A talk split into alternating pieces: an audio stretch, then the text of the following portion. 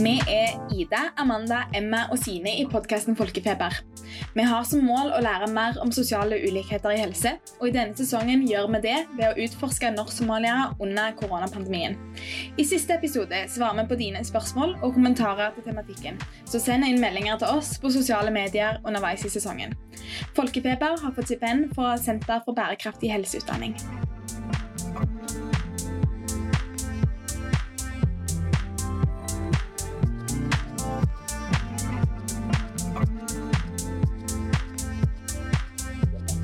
Hjertelig velkommen til ny episode med Folkefeber. I dag er det jeg, Sine, og Emma som sitter her. Hei. Eh, I denne episoden skal vi snakke med FHI om eh, koronasmitte og norsk-somaliere. Mm. Og vi er så heldige at vi har fått med oss selveste Camilla Stoltenberg, direktør i Folkehelseinstituttet. Eh, og et navn og fjes som de fleste av oss har et forhold etter hvert. Hjertelig velkommen til deg, Camilla. Tusen takk. Du er altså lege med doktorgrad i epidemiologi. Og så har du vært, du har gjort veldig mye spennende, men du har vært direktør i FHI siden 2012. Samuel, yes. Kanskje du bare begynner å si litt hva, hva oppgaver er det Folkehelseinstituttet har, og hva er det som Helsedirektoratet tar seg av? Sånn det skal jeg gjøre, men først har jeg lyst til å fortelle at den doktorgraden den handlet faktisk om eh, innvandrere eh, eller folk med innvandrerbakgrunn, altså både de som selv hadde kommet til Norge og deres etterkommere. Og dette er mange år siden, det var på slutten av 90-tallet. Og da skulle jeg se på sosial ulikhet eh, når det gjaldt fødselsutfall, særlig dødfødsel, spedbarnsdød og eh, medfødte misdannelser, og bruke registerdata til det.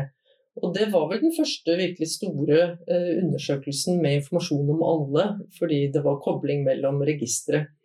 Mm. Og jeg fant den gangen at det var jo ikke så mange grupper det var mulig studere enkeltvis, eh, og at det var veldig store ulikheter mellom de ulike innvandrergruppene. Og så var det en gruppe som pekte seg ut, dels fordi den var større, så det faktisk var mulig å, å, å studere den, men også fordi det var høyere forekomst av både spedbarnsdød og eh, altså, eh, det var ikke plutselig spedbarnsdød, det var spedbarnsdød generelt. Og dødfødsler og medfødte misdannelser. Og det var de som hadde opprinnelse i Pakistan. Eh, og det var knyttet til at de hadde opplyst eh, at de var eh, gift med, eller fikk barn med, en som de var nært beslektet med. Ja. Så det, det, var et utgangspunkt der jeg hadde vært opptatt av først og fremst hvordan går det med de som har bakgrunn som innvandrere og som føder i Norge, og sosial ulikhet, og endte opp med å bli veldig interessert i dette med kusinefetterekteskap. Mm. Yeah. Så det er noe av bakgrunnen. Det, det går veldig langt tilbake i tid, men det, det, er en grunn til at jeg har vært kanskje spesielt opptatt av akkurat dette med å uh, se på hvordan uh, skal vi beskrive de ulike gruppene, og hvordan skal vi være i Hvordan skal vi kommunisere med dem? Og uh, hva slags åpenhet skal vi praktisere? Hvordan skal vi unngå stigmatisering? Eh, og hvordan skal vi få fram det som er fakta og viktig å vite om for å eh, bidra med bedre helse? Mm. Vi kjente på litt det mm. samme da vi skulle forberede oss, mm. fordi vi letet etter tall eh, angående norsk-somaliere. Ja. Det, det, er mye snakk om kroniske sykdommer i denne gruppen, ja. og, og trangboddhet og yrke. Vi bare ønsket å vite ja. mer, da. Og så når man går inn og søker, så er det mye data som er om innvandrergrupper. Ja. Og så kanskje du er heller å finne noen norskmalere, mm. og så er det ikke nødvendigvis skilt mellom altså de som har flytta fra Somalia, og, og, de som er født her ja. i Norge. Og det er jo en skille som, som, som har mye å si, og det vet man for alle mm. innvandrergrupper. Så jeg har kjent veldig på at dette er kanskje et felt som må som er utforskes litt videre, da, mm. eller at man, man, kanskje bestemt har gått inn for å si innvandrere istedenfor mm. å, å bestemme visse grupper. Mm. Mm, men det kommer vi ja, Men dette var en avsporing, så jeg svarer ikke på spørsmålet. Jeg skal tilbake til spørsmålet når det gjelder hva eh, gjør Folkehelseinstituttet og hva gjør Helsedirektoratet. og da snakker jeg helt overordnet, ikke knyttet spesifikt til dette temaet. Mm. Eh, det er slik at i eh, 2002 ble Folkehelseinstituttet etablert og Helsedirektoratet etablert. Eh, basert på institusjoner som var der fra før. Så det var ikke helt nytt, men det var nye organisasjoner. Og da ble oppgavene eh, omformulert og fordelt litt annerledes enn tidligere. Og for å gjøre en lang og litt komplisert historie så kort som mulig, så er det slik at Helsedirektoratet de eh, både eh, gjennomfører politikk som er vedtatt, og opptrer sånn sett som premissleverandører også for politikken. Mens Folkehelseinstituttet jobber primært med kunnskap og beredskap. Så vi driver forskning og forskningsbasert kunnskapsutvikling og beredskapsarbeid. Og For å gjøre det så har vi også en stor infrastruktur som består av å drive registre, drive store befolkningsbaserte helseundersøkelser som Norske mor, far og barn-undersøkelsen, drive laboratorievirksomhet, drive vaksineanskaffelser, distribusjon av vaksiner. Så det er også en form for skal jeg si, produksjonsbedrift, nesten, eller logistikkbedrift, i tillegg til en forskningsinstitusjon og en beredskapsinstitusjon. Ja. Betyr det at det er dere som på en måte har kommet mye med informasjon, eller måtte samle inn mye informasjon i forhold til koronapandemien? Ja, det gjør vi. Ja. Og det er jo det vi gjør vanligvis også, så det er ikke spesielt for koronapandemien. Vi har døgnkontinuerlige vakttjenester knyttet til akkurat dette å følge med på om det skjer utbrudd av smittsomme sykdommer. Så går de fleste av dem under radaren, og offentligheten er ikke så opptatt av dem. Men det, det pågår døgnet rundt alltid, eh, både før koronaepidemien og for så vidt underveis. Det er jo andre utbrudd også. Mm, ja. Og dette har jo blitt uh, allmennkjent nå uh, med FHI og, og Helsedirektoratet pga. at dette har vært så eller nådd fellesskapet da, eh, mm. på, på, et annet nivå enn andre sykdommer har gjort tidligere. Mm. Ja. Eh, og den skillen eh, under pandemien og, og samarbeidet, det, det syns jeg selv har vært vanskelig å på en måte forstå. Men, men om du kanskje kan um, forklare veldig enkelt, da, om det går an. Um, to punkter om hva FHI versus Helsedirektoratet under pandemien mm. hadde ansvar for. For det, det, er en spesiell situasjon, og det er annerledes enn det det vanligvis er. Fordi Vanligvis er det Folkehelseinstituttet som har eneansvar for beredskapsarbeidet og kunnskapsarbeidet knyttet til utbrudd av smittsomme sykdommer. Eh, I en krise så delegerer Helsedepartementet ansvar til Helsedirektoratet, slik at de kan fatte beslutning etter smittevernloven eh, som kan fattes Eh, raskt, og som eh, gjør at man får si, et slags ikke kalle det sekretariat, men det får en operativ funksjon under Helsedepartementet som forsterker deres funksjon betydelig. I tillegg så får Helsedirektoratet i oppgave å koordinere og lede responsen i sektoren. Altså, det er f.eks. faste møter der Helsedepartementet er med, men der Helsedirektoratet sitter med et ansvar for å koordinere det arbeidet som foregår i de regionale helseforetakene, sykehusene spesielt, men også kontakten gjennom fylkesmennene til kommunene. Mm. Mens vi har den løpende kontakten med kommunene. Så det er et komplisert forhold. Og det er ikke slik at det er en åpenbar modell. Det er en modell som er spesiell for denne sektoren, men der krisene jo ofte blir eh, spesielt store og ressurskrevende. Mm.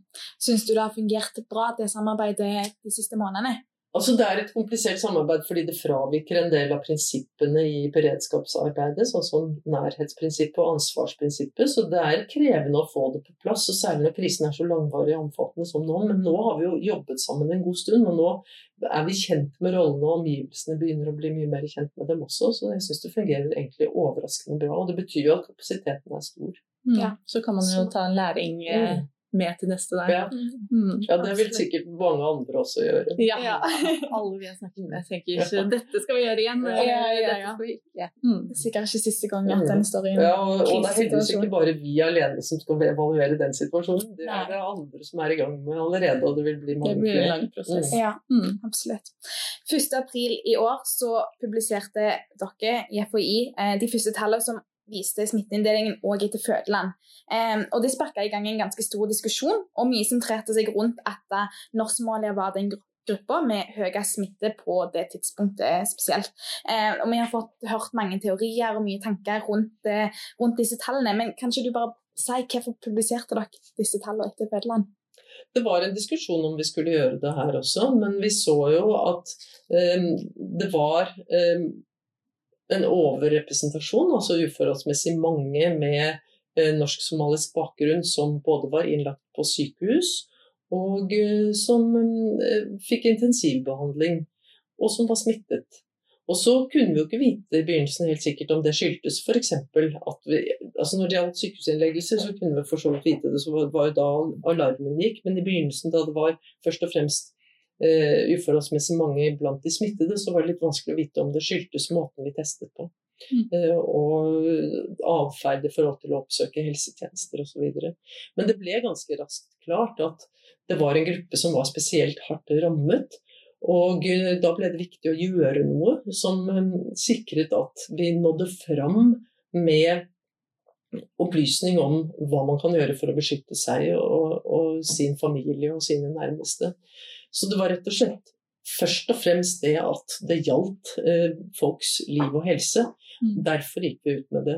Men eh, jeg mener jo i tillegg, og det er vi enige om her, eh, at det er viktig å gå ut med den type opplysninger. At det er mye bedre å gjøre det og ta kontroll på kommunikasjonen rundt det for å unngå stigmatisering på sikt. At det å skjule det og f.eks. skulle eh, gå i dialog med de miljøene uten å beskrive at det var disse miljøene det gjaldt, det ville være helt umulig.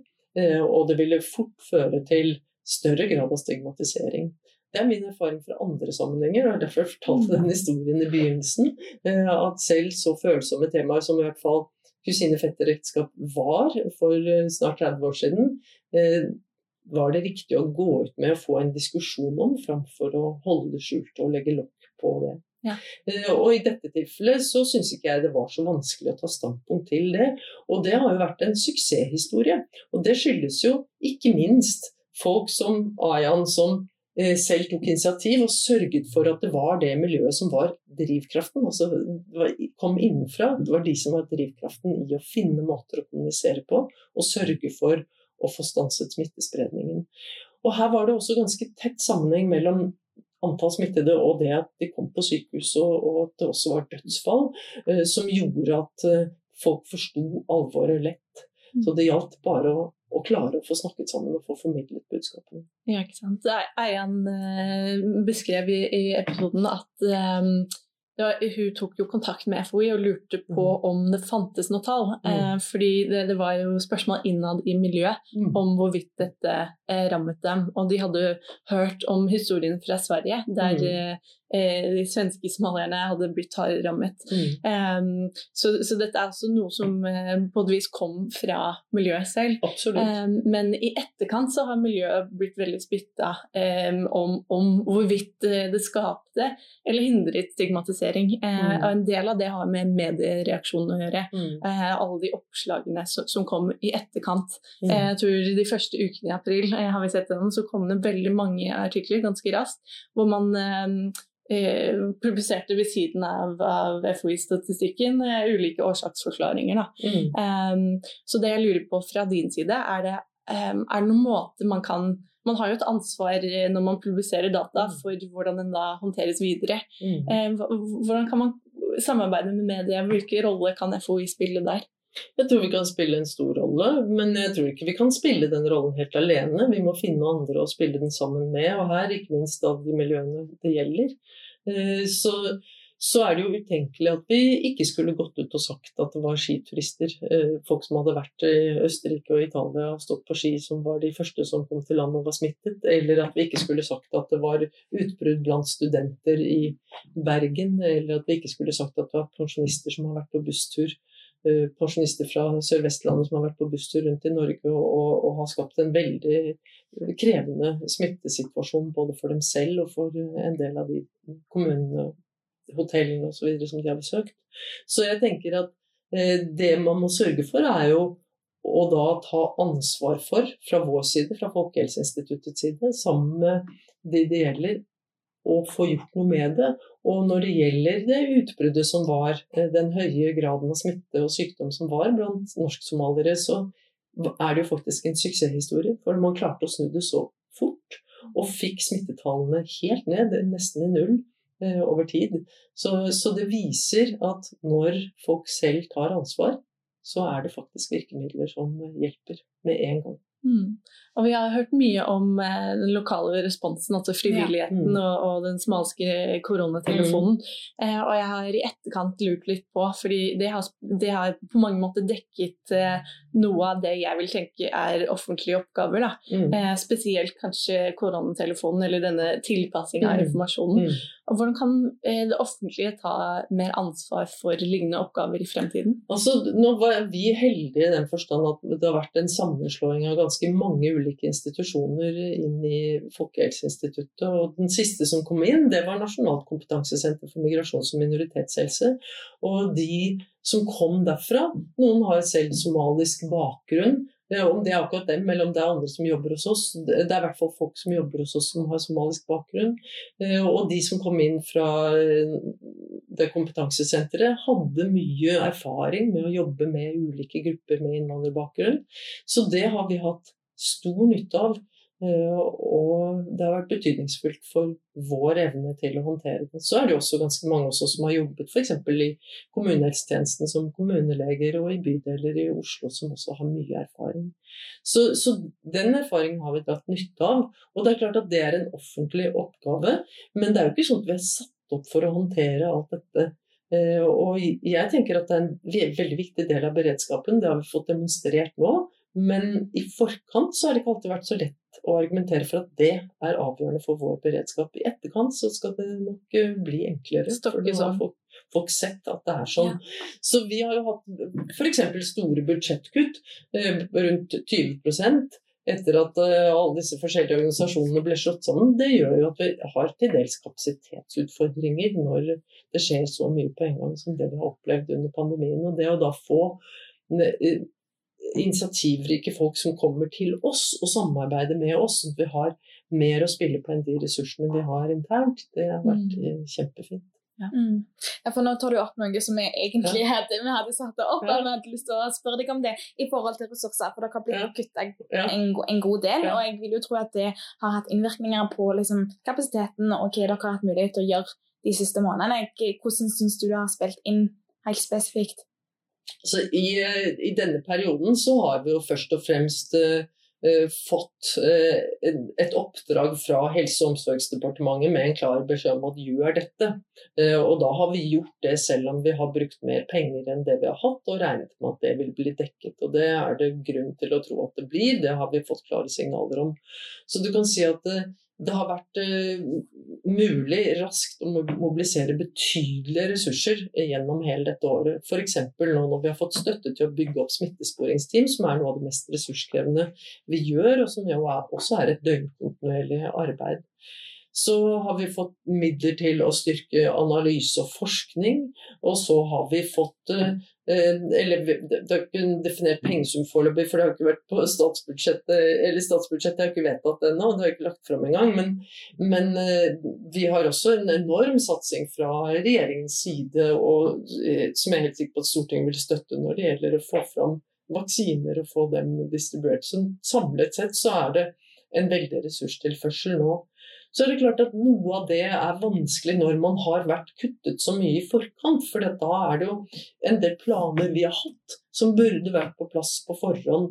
Og aller viktigst, hvis jeg skal peke på noe generelt, så er det det å ha en bredde eh, i å kunne mobilisere mer avansert analyse raskt.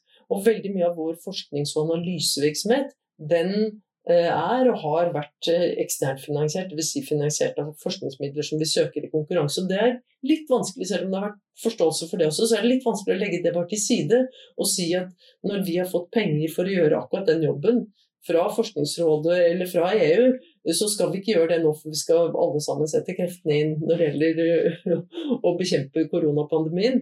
Så da, da, hadde det vært bra å ha noe mer å gå på i bunn som handlet om å analysere data og få inn data raskt. Og det, det tar fortsatt litt for lang tid, men det går utrolig mye fortere enn det det vanligvis gjør. Ja. Så vi får til det også, men det skulle vi gjerne hatt på plass på forhånd. Tror du responsen hadde vært annerledes i begynnelsen hvis dere hadde hatt de midlene på starten av? Både ja og nei. Eh, for det handler ikke bare om midler til oss, det handler jo også om å ha på plass lovverk som f.eks. tillater tilgang til data. Nå, nå, er det endringer i statistikkloven f.eks., og det er relevant her, som kommer på plass i 1.1.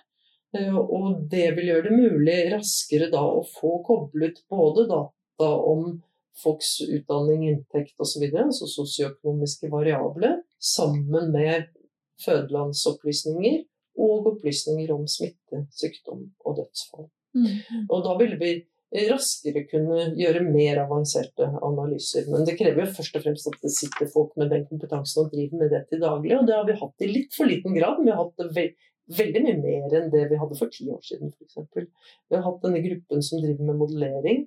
Eh, av, og fremskrivninger av hvordan smitten vil utvikle seg, og hvilke behov man vil ha for intensivplasser og sengeplasser i sykehus osv. Det er også enormt viktig. Men mer av den avanserte analysen det burde man ha i Norge, i Folkehelseinstituttet og internasjonalt. Hvor er det du tenker de største kunnskapsgapene er i forhold til eh, minoritetsgrupper, og kanskje spesielt norskmalere? Vi har jo sett viktigheten av disse sosioøkonomiske faktorene, f.eks. yrke, hvordan det har spilt inn. Eh, har, føler du at dere har sittet med nok informasjon for å kunne være raskt ute, eller føler du at det har vært store mangler i på en måte Nei, det er ganske store mangler fremdeles i, i flere ledd, altså når det gjelder å få inn data raskt. Men igjen, det er utrolig mye bedre enn i de fleste andre land. Det er utrolig mye bedre enn for ti år siden. Men det er ganske eh, stort gap i forhold til hvor vi kunne ha vært med forholdsvis enkle midler hvis beredskap hadde vært prioritert, fordi da trenger man data så raskt. Mm. Så, så den datatilgangen har vært en stor begrensning.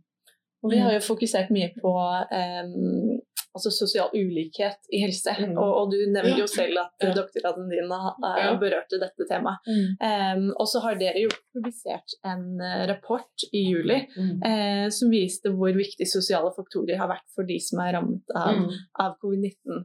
Og i denne rapporten står det bl.a. at Eh, sosiale faktorer kan påvirke risikoen for å bli smittet mm. og risikoen for å få alvorlig forløp. Mm. Eh, og når vi først har uh, tatt en dypdykk i dette temaet, så mm. virker det veldig selvsagt. Men jeg mm. tror absolutt det er noe som man ikke har sett koblingen i i begynnelsen av koronapandemien. Um, jeg lurer på om du kan forklare litt rundt hvordan um, altså Du nevnte dette med testing, helsesøkingsatferd, mm. sårbarhet. Hvordan, hvordan alle disse faktorene kan spille inn. Kan du mm. forklare litt av det? Det kan jeg godt, men vi har veldig lite resultater foreløpig når det gjelder det. Og eh, det er jo en, en, gledelig grunn til det. Det er at det er ikke så veldig mange som har vært alvorlig syke, og det er veldig få dødsfall. Og da er det jo grenser for hvor mange ulike innvandrergrupper man kan studere når det gjelder dødelighet f.eks. Så det er jo bra. Men eh, vi ser jo fra andre land at det er eh, åpenbar sosial ulikhet i hvordan det rammer så det handler jo om f.eks. trangboddhet. Hvis du skal isolere deg hjemme eller skal være i karantene hjemme med familien, hvordan skal du da unngå, hvis du er smittet, å smitte de andre hvis man bor trangt? Hvordan skal man klare å etterleve én meters, f.eks. om to meters regel som det var? Hvordan skal man klare å hva skal jeg si, ha hvert sitt bad eller eh, hver eh, hvert sitt kjøleskap til maten. Det, det, er sånne enkle, praktiske ting. Og så handler det selvfølgelig om hva slags yrke man har. F.eks. så er jo det å ha kontakt med pasienter, det å jobbe i hjemmetjenestene, det er det jo mange med innvandrerbakgrunn som gjør, særlig i byene, men også utover i hele landet. Og det er jobber som gjør at du både selv er mer utsatt for smitte hvis det er mye smitte i befolkningen, og at du kan bidra til å spre smitte. Og så har du skal vi si, det mer bakenforliggende risikoen. Den er jo heller ikke jevnt fordelt etter eh, sosioøkonomiske faktorer, sånn som det at vi vet at uh, overvekt og fedme uh, det disponerer for å bli alvorlig syk. Vi vet at diabetes gjør det og hjerte-karsykdom. Nå er det nok alder som er det aller viktigste, og det er jo litt jevnere fordelt, kan man si, sosioøkonomisk.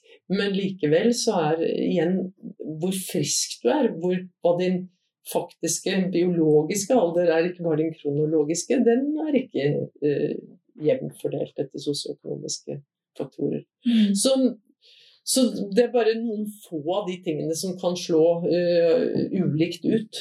Men, men, det gjenstår jo å se hvordan dette faktisk har spilt seg ut i Norge, og det blir veldig interessant uh, fremover. Og føler du at uh, det norske helsevesenet er rustet til å se hvordan sosiale forskjeller spiller inn i helseutfall, og å, å håndtere de?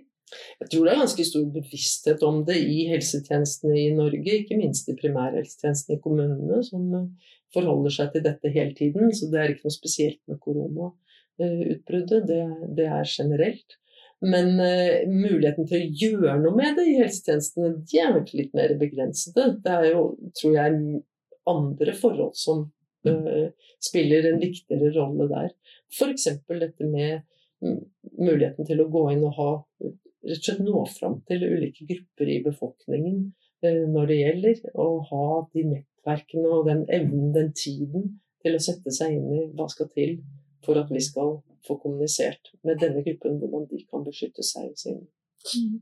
Ja, for Hvor langt fremme var det i tankegangen deres når på en måte rundt 12. mars, de dagene der, eh, og masse tiltak ble satt inn, og det var, liksom, det var, det var jo veldig mye som skjedde. Jeg kan tenke meg at det var ja, travelt for dere, for å mm. si det mildt. Eh, men, men hvor, hvor, mye tenkte dere gjennom disse her tingene når dere satte inn eh, retningslinjene, hvordan man skulle isolere seg, hvordan man skulle være i karantene, eh, hvordan man skulle mm. søke søke helsetjenesten, hvor tid man skulle søke mm. helsetjenesten.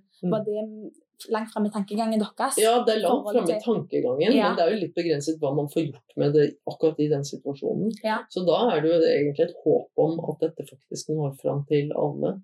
Uh, så, men, men, jeg tror i Folkehelseinstituttet generelt så er det helt grunnleggende å være opptatt av eh, sosial og økonomisk ulikhet eh, generelt, og spesifikt hvordan det utspiller seg for folks helse. Ja. Mm. Mm. Og du nevner eh, hvor viktig det er å ha lokal forankring. Mm. Um, og da lurer jeg på, eh, fordi ofte så har vi disse litt sånn tunge, kanskje byråkratiske eh, beslutningsveier, mm. eh, og de kan jo være vanskelig. Vi snakket med en fra koronatelefonen. Det kan være vanskelig når man er i en frivillig organisasjon å forstå eh, hvordan man kan eh, bidra og støtte de offentlige prosessene. Mm. Og at det kan bli stor avstand mellom, mellom det litt mer sånn grassroots mm. Eh, mm. som skjer i, i bydelene, og, og, det som skjer fra myndighetene. Mm. Hvordan kan vi få til det på en bedre måte? Altså, jeg er helt sikker på at vi kan få det til mye bedre, men samtidig så opplever jeg nok at sånn som de som jobber i utbruddsgruppa hos oss, får til det. Eh, mm. Og har veldig tett kontakt og kjenner folk personlig når det gjelder helsetjenesten i bydelen i Oslo eller i, hele landet, i alle kommuner. Så, så der er forbindelsen tett, og, og, de som jobber i helsetjenesten ute i kommunene, vet at det er døgnkontinuerlig vakttjeneste. Så har det jo vært perioder med problemer med kapasitet, men da har vi jo skalert opp uh, voldsomt. sånn at det har stort sett gått seg til, selv om det har vært noen uh, dårlige, dårlige faser. Mm. Og hvilke um, altså veier har f.eks. en bydelsoverlege eh, mm. til å, å, samarbeide med FHI? Ringe, f.eks. Ja. ja. og det kan du ringe, ringe døgnet rundt. Ja. Mm. Så dere har vært uh, Ja, så vi har, har, det har vi vanligvis også. Eh, eller vakttjeneste. Så da, da, ringer nettopp de. Og det er til for dem. Mm. Og så og så er det mange andre måter å, å, holde den kontakten på, men i denne under pandemien så har den kontakten vært veldig tett. Og så med en gang det er noe, så, så, er det kontakt med Folkehelseinstituttet. Hvis det er noe som de søker hjelp om, eller bare spørsmål. Mm. Ja. Mm. mm. Det, det, er godt å vite at det, det, det fins en, altså en sånn, litt sånn negativ feedback, at man kan sende ja. tilbake, og så kan man ja. forbedre prosessene. Da. Ja, ja, og det, er ikke bare, det er helt konkret. Altså, Du sier sånn Vi har en som vi tror kan være smittet, hva gjør vi nå? Uh, for, de som, for, det er jo fortsatt sånn at de fleste kommuner i Norge ikke har hatt noen smittede. Mm, så de har ikke egentlig direkte erfaring med det. Mm. Så er det jo andre som er uh, veldig erfarne og som kan masse, og likevel så er det jo tett kontakt. Sånn som ja. i Oslo så er det jo veldig mye erfaring. Og, og, og det er jo kommunene og kommuneoverlegene, smittevernoverlegene, som det er kommunene som sitter med ansvaret for håndteringen. Så vi skal støtte dem og være til stede der for dem. Mm. Eh, og det håper jeg at de erfarer at det er. Ja. Mm. Og jeg syns det belyser godt at eh, altså de lokale, lokale miljøene, det, altså mm. hvorvidt det er rammet ulike steder, er veldig forskjellig. Mm. Så når vi snakker om norsk-somalier og korona, så snakker vi om bydel, om, om ja. byen, om kommunen, ja. om staten. Det er veldig mm. mange ulike ledd. Men uh, spørsmålet mitt her er at man man trekker ofte i F.eks. BBC har publisert eh, artikler som sammenligner norsk-somalisk smitte, eller ikke norsk-somalisk, somalisk smitte, da, i ulike land. Eh, I mm. Sverige, i England, i Norge, i USA. Eh, hvorvidt eh, tenker du at eh, man kan sammenligne situasjonene i ulike land, og hvorvidt tenker du at vi er, er i særskilte, fordi det er en annen setting her. Det er, jo... altså, det er ikke uinteressant å gjøre det, men det er jo ganske vanskelig å være sikker på at man sammenligner eh, det samme. fordi at eh, det er mye som tyder på fra helt andre sammenhenger at eh, f.eks. innvandrere fra Somalia i USA er en litt annen gruppe enn innvandrere fra Somalia som er i Norge eller i England. Så, så ja, det er interessant å gjøre. Man skal være varsom som vanlig med konklusjonene. Mm. Ja. Mm. Og da lurer jeg på samme måte. I Norge så, så tar vi ofte innvandrere i en litt sånn eh, pose når vi skal beskrive statistikk. Um, og det, det, kan på en side være pga. Eh, ressurser til forskning og hvordan man har valgt å gå frem. Og på en annen side har jeg lurt på om det er bevisst, om man gjør det med vilje. Altså alle innvandrere? Ja, at man, at man snakker om man har tall, at uh, tallene for f.eks. kronisk sykdom at mm. det, det, er blant innvandrere. Mm. Og så er det jo så mange ulike grupper. Mm. Er det av praktiske årsaker, eller er det fordi man tenker at det er det beste? Altså Det varierer jo veldig hvordan det der gjøres. Så personlig så mener jeg at det er stort sett eh, helt ufruktbart å ha innvandrere som én gruppe. Fordi det vanligvis er avhengig hva man ser på, selvfølgelig. Altså Hvis du skal se på om folk har et annet morsmål enn uh, norsk, så kan det jo hende at det er hensiktsmessig i. Men, men, hvis du skal studere f.eks. helse, da, så, så, er det stort sett uh, ikke noe å vinne på det. det. Det blir bare forvirrende. fordi det gjerne er større variasjon mellom ulike innvandrergrupper, og til og med innen innvandrergrupper, enn det er i hele den øvrige norske befolkningen. Mm. Ja, for det er litt spennende, for Vi har jo prøvd å søke oss fram til en del tall, og sånne ting, mm. sånn som Emma sier. Og i forhold til dette her med kroniske mm. sykdommer, som ofte har blitt løfta mm. opp som risikofaktorer, mm. så står det på FHI sin side mm. at norsk-somaliere som gruppe har eh, lavere forekomst av kroniske sykdommer enn den generelle norske befolkningen. Oh, ja. ja. det er litt spennende. Det, ja, ja. 28 mm, i den norsk-maliske befolkningen og 34% i den norske befolkningen. Og så har det jo gjerne blitt løftet fram at en tenker at det er motsatt. Hva tror du om de tallene? Tror du at det... Nei, De tallene har jeg ikke sett på, så det er jeg forsiktig med å uttale meg om dem. Men eh, da må jeg nesten heller spørre dere som har sett på dem. Eh, er, de, er de justert for alder, f.eks.? Er de ja. ja. det var ikke så mye informasjon om ja. det som jeg fant. Det var på en måte bare litt Ja, ja. men uh, Nei, men jeg, jeg, tror ikke jeg skal Jeg tror jeg skal være veldig forsiktig og si noe om de tallene jeg ikke har sett på dem selv. Men, det, men, men, som en illustrasjon på hvor forsiktig man skal være med å jeg si, satse på fordommene sine, eller gruppere mm. uh, folk sammen i, i, store og veldig uensartede grupper, som innvandrere er, f.eks., mm. så er det er et godt eksempel. Og dette har vi jo drøftet litt med Rene Teslo. Eh, mm. Og eh, det er jo interessant, fordi det, det, kroniske sykdommer er mye forskjellig. Ja. Så, så, det kan jo være at det er overvekt av eh, visse kroniske sykdommer som mm. disponerer for alvorligere mm. forløp av korona, mm. uten at måte, man kanskje har mindre av andre typer. Mm. Eller om det har med helsesøkning å altså, Det er mange spørsmål her. Ja. Vi har ikke noe svar helt fasit, men, men, det er bare et eh, bilde av hvordan man kan ha en tanke da, av hvordan ting er. Og så har eh, noe statistikk, at man kanskje trenger enda mer da, for, mm. å, for, å, tegne et klarere bilde. Absolutt. Mm. Men du løfter jo frem dette her med overvekt og fedme, og det norsk kvinner spesielt har litt høyere forekomst ja. av det, så det er jo helt riktig. Men kroniske sykdommer generelt, så ja.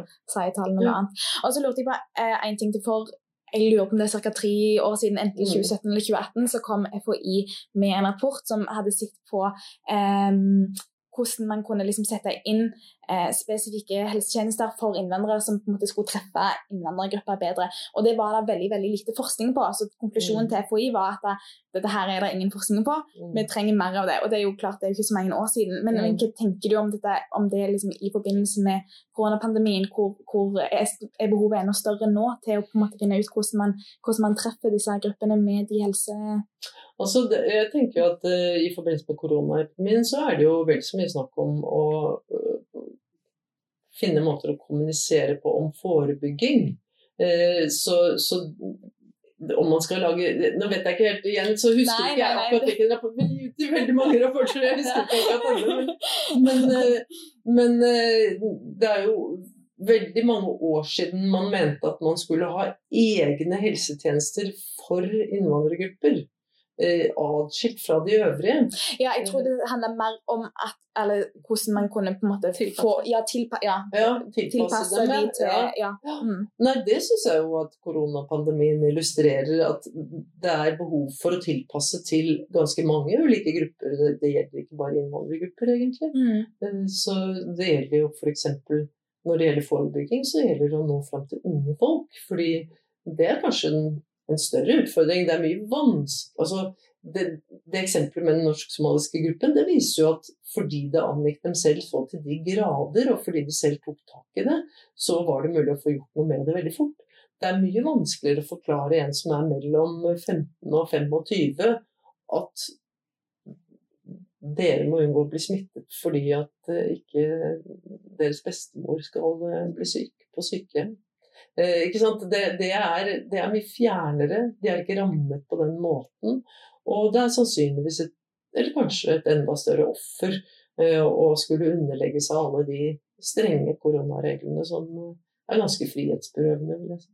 Mm. mm. Det har vært interessant hvordan studenter har eh, pushet litt tilbake da, i media om, ja. om, om ikke et ansvarsforskrivelse, men heller hvordan de har blitt beskrevet mm, som gruppe. Ja. Og, og, det tenker jeg illustrerer uh, hvorvidt medieoppdrag medieoppslag kan gå inn på en person. Mm. Uh, på samme måte som vi har hørt uh, norsk-somalier forklare at artiklene om disse mennene på Grønland på kafé, mm. at de ikke identifiserte med det som bilde av deres miljø. Mm. Og hvorvidt man på en måte det, det, å treffe, det å, det å, vekke oppmerksomhet uten å stigmatisere en gruppe, mm er jo en kunst. Mm. Det, det, er jo... ja, det er vanskelig. Ja. Og det er ikke noe man blir ferdig med en gang for alle heller. Mm. Dessuten så må man jo faktisk tåle å bli karakterisert uh, som grupper.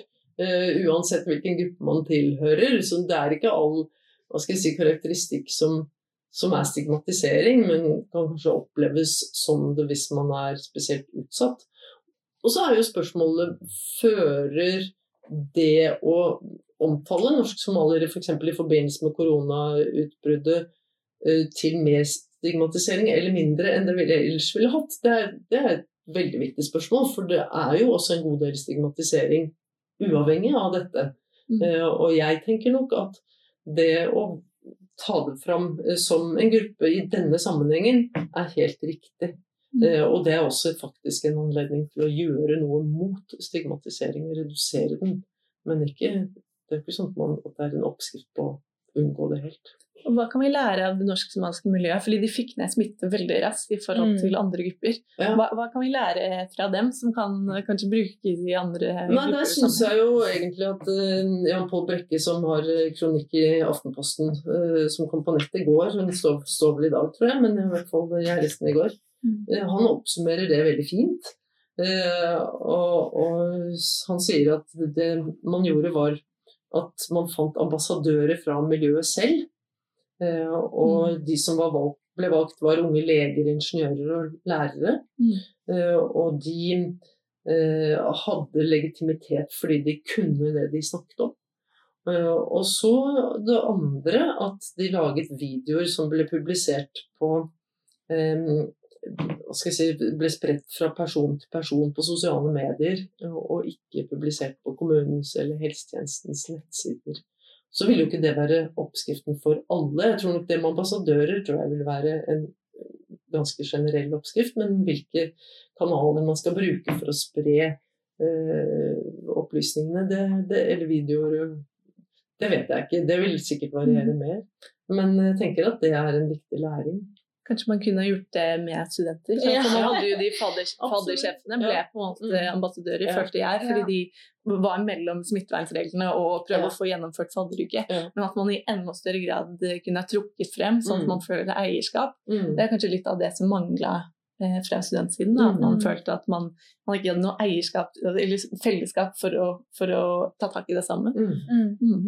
Så det, det, er jo det er veldig fint når man kan ta læring av eh, hva disse miljøene har gjort riktig. Mm. For Man snakker så mye om, om, at det var mye smitte. Og ja, ikke like mye om hvor fort det gikk ned. Dette som norsk-somaliske eh, utbruddet som var i, i Oslo da, på, i våres, som egentlig en suksesshistorie. Og det har vært mye større bekymring fra vår side når det gjelder de utbruddene som har vært blant studenter. Og det er nettopp fordi det ikke rammer dem selv så sterkt, og fordi at de lever liv der de er mye mer rundt omkring. sånn at det, det er ikke så avgrensede miljøer, så da er det ikke så lett å få uh, slått smitten ned som det var i det norsk-somaliske miljøet. De mm. fikk det til veldig fort, mens blant studentene i Bergen, der man hadde mye spredning, der tok det mye lengre tid. og og litt mer større usikkerhet, fordi det var mange forgreninger også ut av Bergen over i andre kommuner. Mm. Og det er jo en annen fase, vi er i en annen fase av eh, ja. pandemien nå. Ja. Og det, det, er jo noe med psykologien at dette har vi merket ikke går over. Ja. Og når man da sitter kanskje også som student og hører mm. at dette skal jeg ikke få gjøre nå, men jeg får heller ikke gjort det ganske langt frem i tid, Eh, det må jo være en sånn eh, formidlingskunst som også er, veldig vanskelig fra deres side. Mm. Det er veldig vanskelig. Men igjen så tror jeg En, en ting er jo det, Folk fester seg veldig ved den formidlingen som skjer, som er at man står inne i marmorsalen på pressekonferanse. Den er viktig, men, men, det er veldig mye annen formidling, og veldig mye av den skjer jo indirekte. Ved at Folkehelseinstituttets folk i utbruddsgruppen snakker med Eh, kommunene og kommuneoverlegene og eh, de som jobber eh, i primærhelsetjenesten mer generelt. Og så snakker de igjen med de de møter. Og så snakker man jo med alle disse forskjellige sektorene. Tenk på hva som foregår av formidling om smitte og smittevern i barnehager, i skoler, rundt kollektivtransport. Nå foregår det jo i alle sektorer. Og den formidlingen har ofte sin kilde til kunnskap fra noe vi f.eks. har produsert, og som ligger på våre nettsider, eller som man kan ringe og få vite om hos oss. Men det er jo ikke sånn at vi står ute, eller jeg står ute i alle kommunene for å si de tingene. Det er jo nettopp det å la det gå fra person til person, og, fra, og på tvers av sektorer og på tvers av ulike grupper i samfunnet, og spre seg som noe som folk lærer seg selv å gjøre til sitt eget. Og det er jo en annen styrke i det norsk-somaliske miljøet, var et, eller jungeltelegrafen. Ja. At de, brukte, de har disse store WhatsApp-gruppene, mm, ja. og virkelig eh, mm. uh, aktivt brukte de for å tilpasse og formidle informasjon ja. videre. Mm. Og så tror jeg at vi skal ikke glemme at det, det, det utbruddet fikk mye oppmerksomhet, og nå har det fått enda mer oppmerksomhet. Og det har, handler jo bl.a. om den veldig fine måten å håndtere det på, den store suksessen at du kan liksom se bølgen opp, og så kan du se den gå rett ned mm. igjen, og der skjer i løpet av noen uker. Men det har jo vært ganske mange andre utbrudd som har angått ulike innvandrergrupper, sånn som dette som hadde sitt utgangspunkt i en eh, religiøs markering i, i eh, Østfold. Ja. Eh, det omfattet jo flere miljøer, bl.a. irakere. Og de har jo også blitt slått ned. Mm. Men der har det vært litt andre tilnærminger. Der har f.eks. imamen spilt en rolle. Så det vil være interessant å gå inn og se på de ulike måtene å håndtere på i ulike innvandrergrupper. Mm. Og selv om den historien om det norsk-somaliske miljøet i Oslo er veldig fin, eh, så, så, tenker jeg at det er nok variasjonen i måter å håndtere det på som, som vil være lærerik i tillegg. Mm. For Hvorfor tror du at det er akkurat den norsk-somaliske situasjonen som fikk så mye oppmerksomhet når det har vært smitte i så mange andre Jeg tror det er delvis fordi at det var vel første gang man valgte å gå ut med en beskrivelse av at dette ja. var et eh, innvandrermiljø eh, som var forholdsvis avgrenset. Ja. Det tror jeg. Mm. Tror du Fordi jeg føler ikke jeg har lest Jeg, jeg er veldig klar over at det, det norsk-somaliske gruppa mm. Selv om det kanskje ikke er helt riktig å kalle det bare ei mm. gruppe, for vi har liksom ja fått hørt det at det er jo veldig mange forskjellige liksom, grupper innenfor mm. den gruppa, men, men bare for å spesifisere det.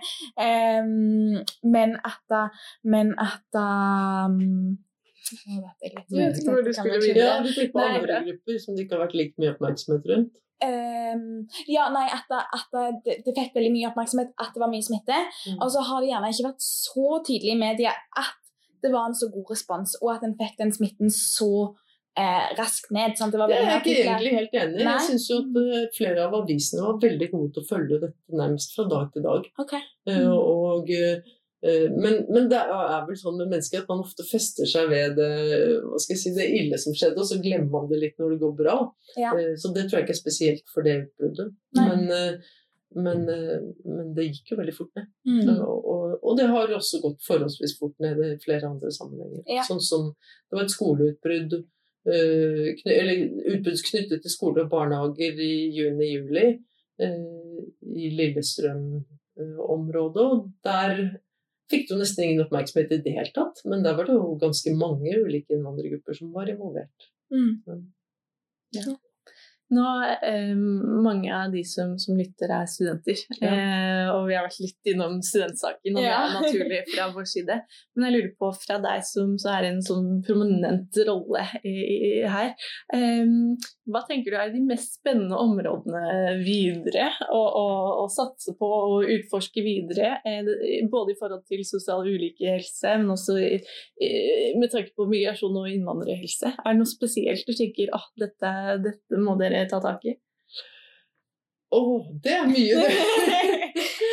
Nei, altså jeg tenker jo at det, eh, det er kanskje mer det internasjonale bildet. Eh, altså, eh, det er veldig interessant å se hvordan det går med ulike innvandrergrupper i Norge, men det er samtidig nok de store migrasjonsstrømmene i verden, og hvordan det henger sammen med helse, som jeg tenker er den virkelig store utfordringen. Mm. Hvordan... Det var et litt overfladisk svar. Det er, et stort spørsmål. Det er alvorlig ja. ja.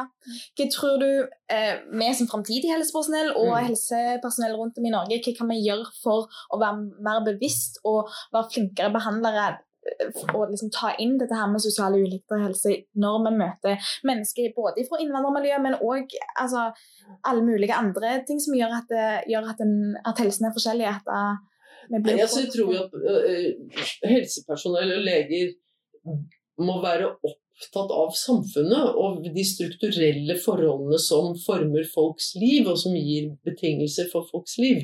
Og så er det ikke alle de som man skal gjøre noe med som lege. Man kan gjøre noe med det som samfunnsborger, som engasjert menneske. Og, og, da vil jo alt fra lønnspolitikk, fordeling altså de store politiske spørsmålene være avgjørende hva man mener om det. Og så må man være klar over det. Hva det betyr for folks liv, og hva det betyr for folks helse.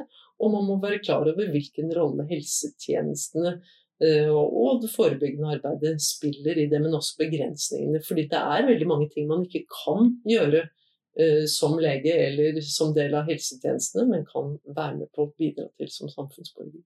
Tverrfaglig samarbeid. Altså. Ja, blant annet. Mm. mm.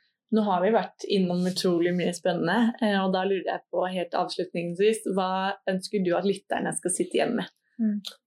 At man alltid skal være nysgjerrig på uh, hvem de andre er, enten de er studenter eller de er uh, norsk-somaliere eller en helt annen gruppe i samfunnet. Og at man alltid må være åpen for uh, hvordan kan vi få kommunisert med hverandre. Og hele tiden se etter muligheter når du er helse, fra, helsepersonell, for å mobilisere de gruppene selv, slik at de selv gjør det som skal til. Mm. Hva er det viktigste du har lært av de siste seks månedene? Oh. Nei, det, det, er jo det, det, er jo egentlig hvor, hvor tett sammenvevd alle mennesker er, og hvor avhengig vi er eh, av hverandre globalt. Mm. Mm. Fin avslutning. Mm. Tusen takk for superfin samtale, og at du tok deg tid til å snakke med oss. Bare hyggelig. Ja. Så får vi prøve å ta litt ansvar som studenter eh, fremover og, ja. og stoppe den spillingen. Lykke til. Yes. Tusen takk. Yes. Og bare folk på folk hvis det er noe dere lurer på, eller um,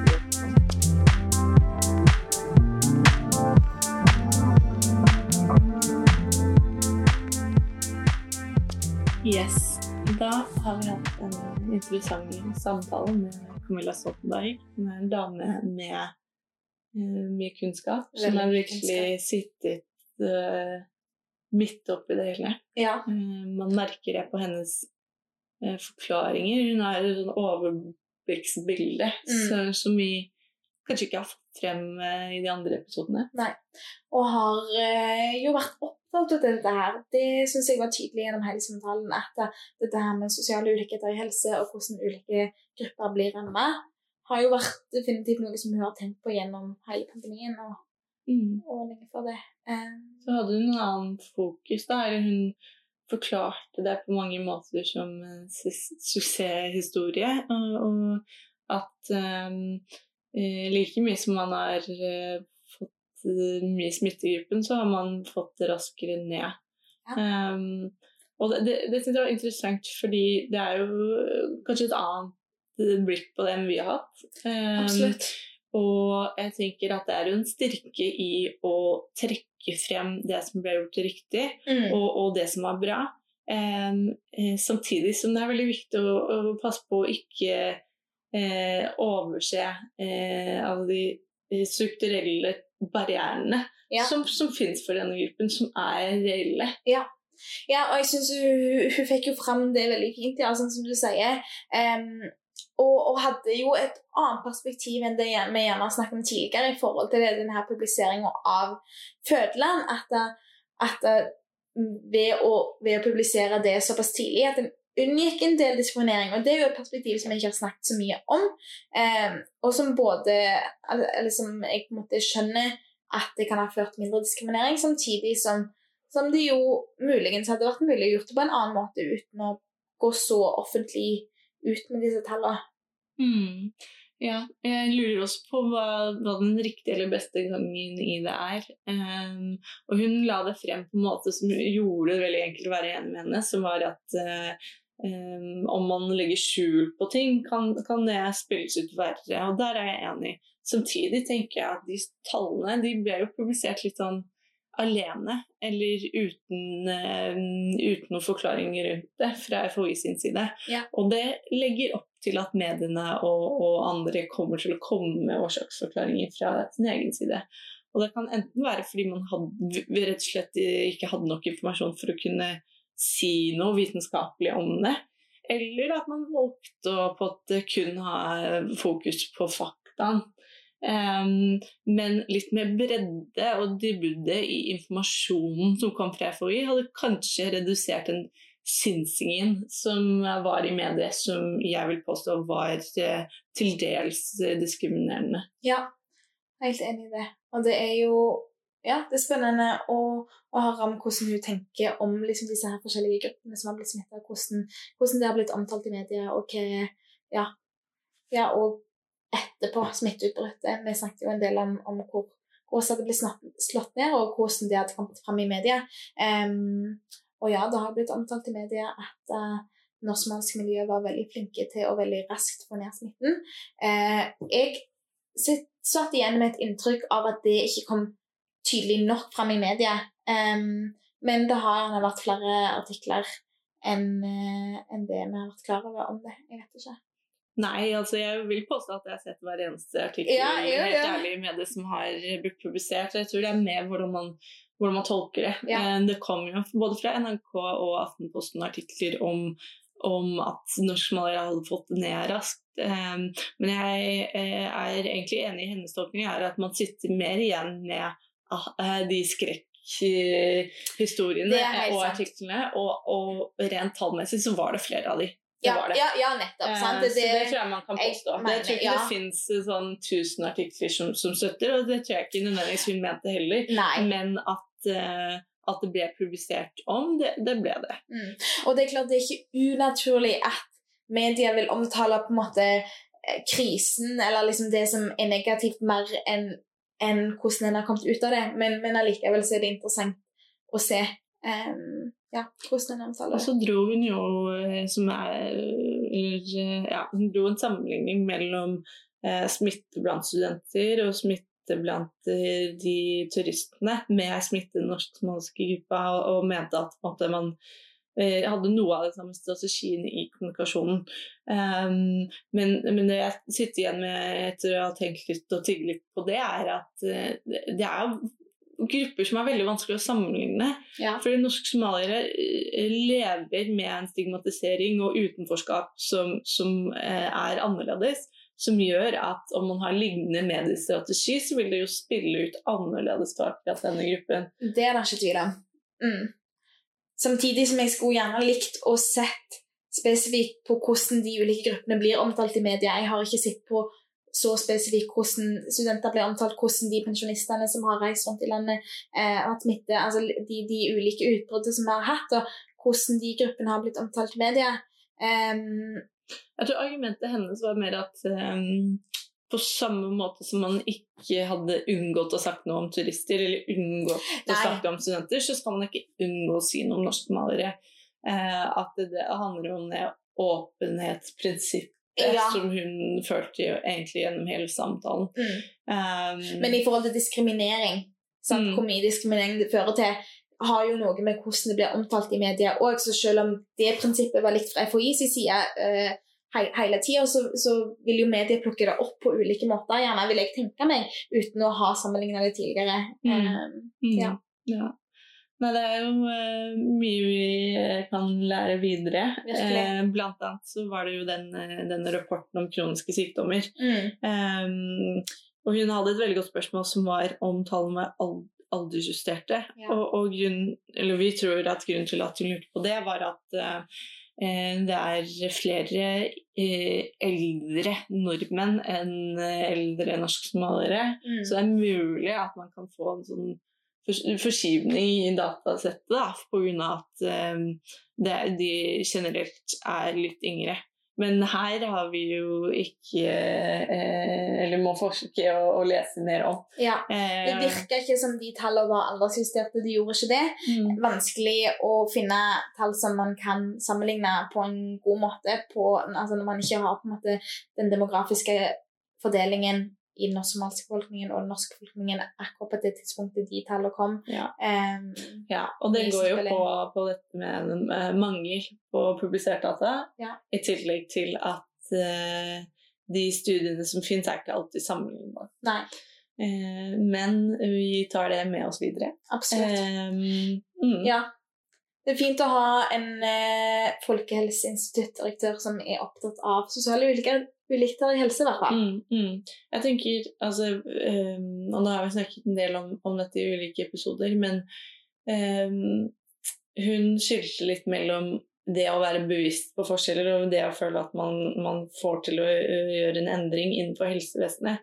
Um, og hun hadde et veldig positivt blikk på at hun, hun, mente at mange er bevisste på det, men, ja. men jeg opplever det ikke helt sånn. Nei, ikke heller. Um, så, så, hvorvidt det stemmer for Man kan aldri snakke for alle i helsevesenet, men jeg tror Nei. vi har noe, noe, å gå på der, altså. Det tror jeg òg. Mm. Absolutt. Og det er noe vi kan ja, ta, med oss, uh, ta med oss videre og tenke over hvordan vi som, som helsepersonell, men også som samfunnsborgere, som vi også tar opp, hvordan man kan ta høyde for de sosiale ulikhetene som fins, um, og ha en større forståelse for, for de ulike um, ja, for, for, plassen man kommer fra, og for, uh, for de sosioøkonomiske bakgrunnene, og for uh, yrket og alt det som spiller inn i helsen. Mm.